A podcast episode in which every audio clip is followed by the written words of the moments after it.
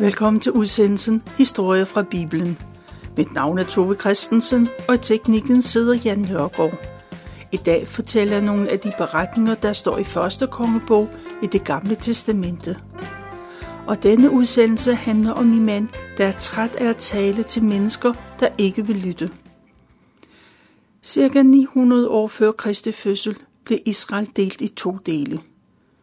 Der var det lille judarige eller sydriget, og så var der Nordriget, som arealsmæssigt var det største, og derfor kaldte de sig også selv for Israel. I Nordriget blev der forbudt at tage til templet i Jerusalem, og præsterne blev jaget ud af landet, og mange andre tro, troende fulgte deres eksempel. De tog til Jerusalem eller i omegnen af den hellige by, der kunne de leve i fred og bringe deres ofre som i templet. I Nordriget var der skiftende konger, men fælles for dem alle var ingen af dem, at de lyttede til de mange advarsler, der kommer fra Guds profet. Indbyggernes tro var kommet på afveje, og der kom flere og flere afguder ind i deres land og ind i deres liv. På den tid var Agab konge i Nordriget, og der var ikke mange, der troede på Gud, på Israels Gud. I det åndelige mørke tid, så sendte Gud profeten Elias. Han var en stor profet, og evangelisten Lukas skriver i det nye testamente, at Johannes Døber fik samme kraft og ånd, som Elias havde. Ligesom Johannes Døber, så talte Elias om dom, så tilhørende var forberedte til at høre budskabet om Guds nåde. Ligesom Johannes Døber, så levede Elias i lange perioder væk fra offentligheden. De var begge optaget af Moseloven, af dom og af omvendelse.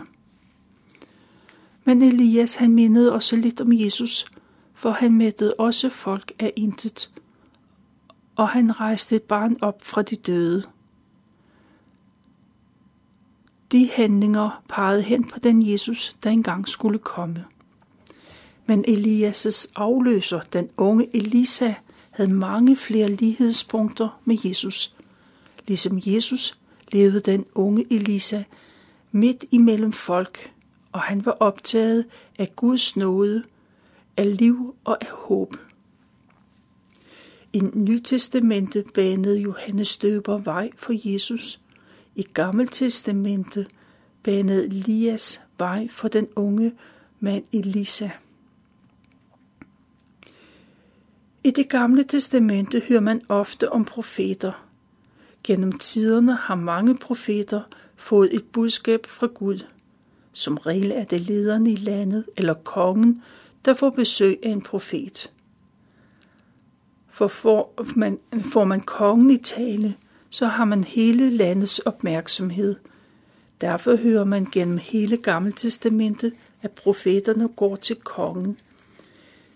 Der er kun lejlighedsvis, at befolkningen også hører profetens tale. I Nordriget, i den nordøstlige del af landet, der bor profeten Elias. Hans navn det betyder, Herren er min Gud, og det navn passer godt til ham, for han lever i troen på Gud. Han er en af de få troende, der er tilbage i Nordriget. Alle andre er enten flygtet eller dræbt. Gud vil endnu en gang prøve at få folk i tale. Israelitterne skal mærke på deres krop, at det er Gud, der er den eneste sande Gud. Derfor sender han profeten Elias til byen Samaria, hvor kong Akab bor. Elias forudsiger, at der ikke vil regne, og der ikke vil falde duk, før Gud utryggeligt siger, at det skal ske. Og regnen udebliver, og hungersnøden sætter ind. I tre år falder der hverken regn eller duk. Alle vandreservoirer er brugt, og de vandløb, der normalt er fulde af vand, tør ind. Nu er tiden inde til, at Elias igen skal opsøge kong Agab, for han skal sammenkalde repræsentanter fra alle dele af Nordriget og de skal komme til Karmels bjerg. Det samme skal landets mange augustprofeter. Da alle er nået frem til Karmels bjerg, så stiller Elias sig over for Baals 450 profeter. Elias udfordrer augustprofeterne og siger, den Gud, der kan tænde et offerild, er den sande Gud. Profeterne skal bygge et alter og gøre et offer klar. Men de må ikke tænde ild. Det skal deres Gud gøre. Augustprofeterne bygger et alter, og de lægger brænde og en parteret tyr på. Og så beder de deres Gud om at sende ild. Men der kommer ikke ild fra himlen. Lige hvor meget de råber og skriger og danser og hopper, så sker der ingenting. Og så genopbygger Elias Guds alter med 12 sten, for alteret har ikke været brugt i mange år. Han parterer en dyr i 12 dele og lægger kødet oven på brændet. Så hælder han 12 krukker med vand ud over det hele. Da alt er klar og offeret er drivende vådt, så beder Elias til Gud. Han beder om, at alle israelitter vil komme til at se, at Gud Herren er den levende Gud, der hører menneskers bøn. Og Gud hører hans bøn. Der kommer ild fra himlen, og brændet står i lyslåge. Det hele brænder, også det vand, der ligger på jorden, og stenene brænder. Alle kan se, at Elias' Gud magter det, ingen andre guder kan. Og en ærefrygt breder sig i befolkningen, og alle falder på knæ. De udbryder. Herren er Gud. Herren er Gud. Alt er, øh, er klar. De er alle sammen klar over, hvem den sande Gud er. Der er ingen, der er i tvivl. Elias har afsløret de falske profeter, der har ført israelitterne væk fra Gud, og det skal de have deres straf for. Elias råber, at man skal gribe Baals profeterne. Ingen må undslippe. Og da profeterne er, taget, er blevet taget til fange, så bliver det ført ned til en bæk. Der bliver de holdt fast, indtil Elias slår dem ihjel. Elias gør radikalt op med det, der strider imod Guds bud. Efter denne massakre går Elias til kongen og lover, at der snart kommer et mægtigt regnvejr. Kongen kan være ganske rolig, for efter tre år med hungersnød, så vil det igen regne. Landets trængsel er ved at være slut, og der skal igen komme vand i brøndene, og græsset vil spire og gro. Kongen kan roligt sætte sig ned og spise og drikke. Elias forsikrer, han kan høre lyden af et mægtigt regnvejr. Elias selv går op på toppen af Karmels bjerg. Der falder han på knæ med ansigtet ned mellem knæene. Han bøjer sig dybt i støvet for Gud, der så tydeligt har vist sin styrke. Men Elias er alt andet end rolig. Meget står på spil, for han har lovet, at der kommer regn. Og han får sin tjener til at gå hen til kanten af bjerget. Der skal han se ud over havet. Er der ikke mørke skyer på vej? Eller bare nogle skyer i det hele taget?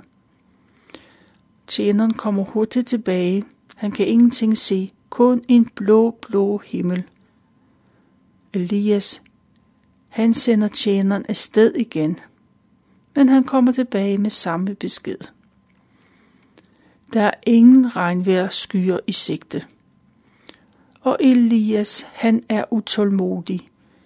Seks gange må tjeneren afsted, og hver gang kommer han tilbage med den samme besked. Ingen skyer. Det må have været en lang eftermiddag, men så, syvende gang, kommer tjeneren tilbage og siger, at der er en lille sky på himlen langt ude i horisonten. Den er ikke større end en hånd. Men for Elias er det nok, for at regnen er på vej. Han er ivrig og siger hurtigt, at tjeneren skal skynde sig til kong Akab og sige, at han skal spænde sin hest for vognen. Der er ingen tid at spille. Han skal skynde sig hjem, for det øh, bliver umuligt at komme ned ad bjerget. Alle ved, hvor hurtigt de utørrede vandløb kan fyldes med vand og gå over bredderne. Hvis man ikke passer på, vil man sidde uhjælpeligt fast i store mudderhuller. Lige med et er der ikke en lille sky i horisonten, men det er en stor sort regnskyer hen over Karmelsbjerg, og det blæser op til storm. Kongen skynder sig, og snart er han klar til at køre til byen Jesal, hvor han kan komme ind i tørvejr. Elias han skynder sig også, og han når hen til kongens vogn, netop som han skulle til at køre afsted.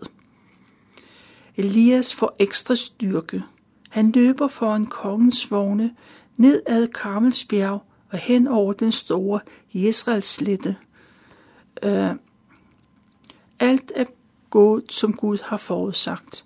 Israelitterne har gennem ilden og vandet set, hvilken Gud, der formår at handle. Alle er glade, for endelig er der faldet regn.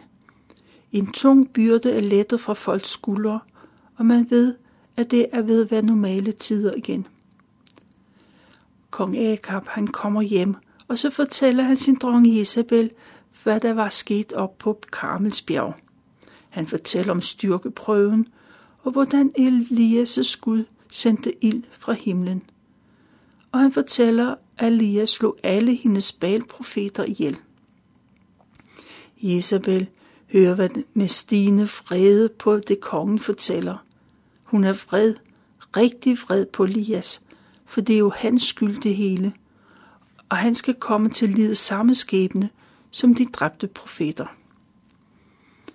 Hun sender bud til Elias. Han skal komme, og så kan han regne med at være død inden dagen i morgen er gået. Hvis han ikke er det, så må guderne straffe hende på det grusomste. Jezebel er fast besluttet på at få fat i Elias, koste hvad det koste vil. Elias, han får beskeden, og han er ikke et øjeblik i tvivl om, at han er i alvorlig livsfare. Og han bliver grebet af panik. Sammen med sin tjener, så flygter han for livet. Han skynder sig gennem Nordriget og ind i Sydriget. Og han når til den sydligste by, til Beersheba. Det er så langt væk, som de overhovedet kan komme inden for Israels øh, to lande. Elias han er træt, og han har forhøjet blodtryk, og han er nedbrudt både på sjæl og læme. Han er klar til at opgive det hele. Elias lader sin tjener blive i byen, og så fortsætter han alene ud i ørkenen. Han går hele dagen gennem det øde landskab og i den bagende sol. Om aftenen er han helt udmattet, og han sætter sig i skyggen af en gyvelbusk.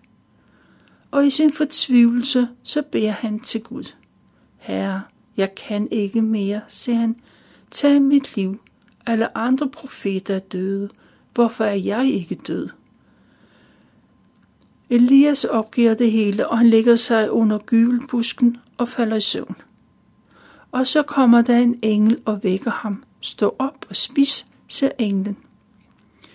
Elias slår øjnene op. Han er ikke sikker på, at det er en drøm, han har haft, eller om der virkelig har været en engel.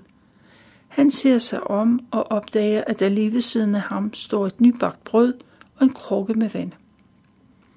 Elias har oplevet under før, og han er klar over, at maden er fra Gud. Han sætter sig op og spiser, men han er stadig træt, og så falder han i søvn igen. Endnu en gang blev han vækket af englen. Stå op, spis noget mere, sagde englen. Du har en lang rejse foran dig. Elias, han ved ikke, hvor han skal hen. Og han sætter heller ikke spørgsmålstegn ved, øh, øh, ved hvordan det skal være. Men han spiser og drikker det, der står foran ham.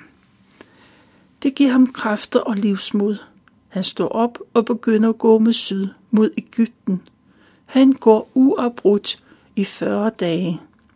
Han går lige indtil han kommer til Horebs bjerg, til Guds bjerg, der ligger på Sinai-halvøen. Det er målet for hans vandring. Han slår sig ned i en kliphule, og han bliver der indtil videre. Elias ved udmærket, hvilket bjerg han er på, selvom han aldrig har været der før. For det er det sted, hvor Moses førte israelitterne hen, da de kom fra slaveriet i Ægypten. Det var på det bjerg, at Gud viste sig for Moses og gav ham to stentavler med de ti bud. Ved foden af Hores bjerg underviste Moses alle israelitter i de love og forordninger, som israelitterne skulle leve efter i fremtiden. Nu er Elias på Guds bjerg, og han beder til Gud. Herre, almægtige Gud, siger han, jeg har brugt alle mine kræfter på at kæmpe for din sag, men alligevel tror Norrids folk ikke på dig. De har revet dine aldre ned og dræbt dine profeter. Jeg er den eneste, der er tilbage, der tror på dig. Og nu vil de også slå mig ihjel. Elias kommer med en enkel og stille bøn til Gud. Nu er det op til Gud, at bestemme, hvad der skal ske. Og Gud svarer Elias og siger, at han skal gå hen og stille sig i klippehulens åbning, så vil han se, at Gud går forbi. Elias stiller sig, som han har fået besked før på. Først kommer der en voldsom storm, der farer hen over bjerget. Sten og store klippestykker river sig løs, og de bulrer ned af bjergsiden. Elias trækker sig tilbage til klippehulen for ikke at få sten over sig. Han holder øje med stormen, men Gud er ikke i stormen. Så ryster bjerget et jordskælv. Elias finder det sikreste sted i hulen, og han holder igen nøje øje med de stærke naturkræfter. Men Gud er ikke i jordskælvet. Det er bare et jordskælv. Så kommer der ild forbi.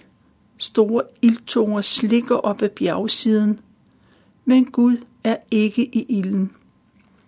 Til sidst høres noget, der kan mindes om en svag susen. Elias rejser sig og går hen og stiller sig i hulens indgang. Han dækker sit ansigt med et klæde i ærefrygt for Gud. Den stille, susende stemme spørger, Elias, hvorfor er du her? Og Elias får mulighed for at tænke efter og sige med sine egne ord, hvordan han har det. Herre, almægtige Gud, siger han, jeg har brugt alle mine kræfter på at kæmpe din sag. Israelitterne overholder jo ikke den aftale, de engang blev truffet på dette bjerg. Det var en aftale mellem Gud og israelitterne, der gjaldt for dem selv og for alle de kommende generationer. Den aftale er ikke ophævet.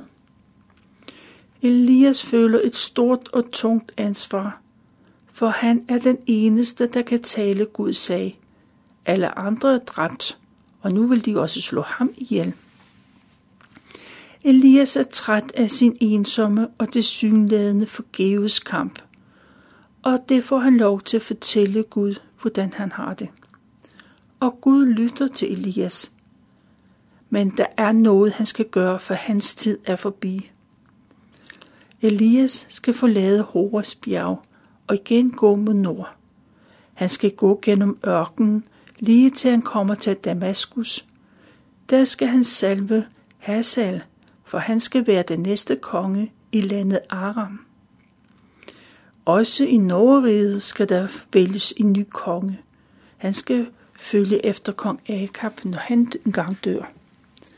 Når de to opgaver er løst, så skal han finde Elisa, Safats søn.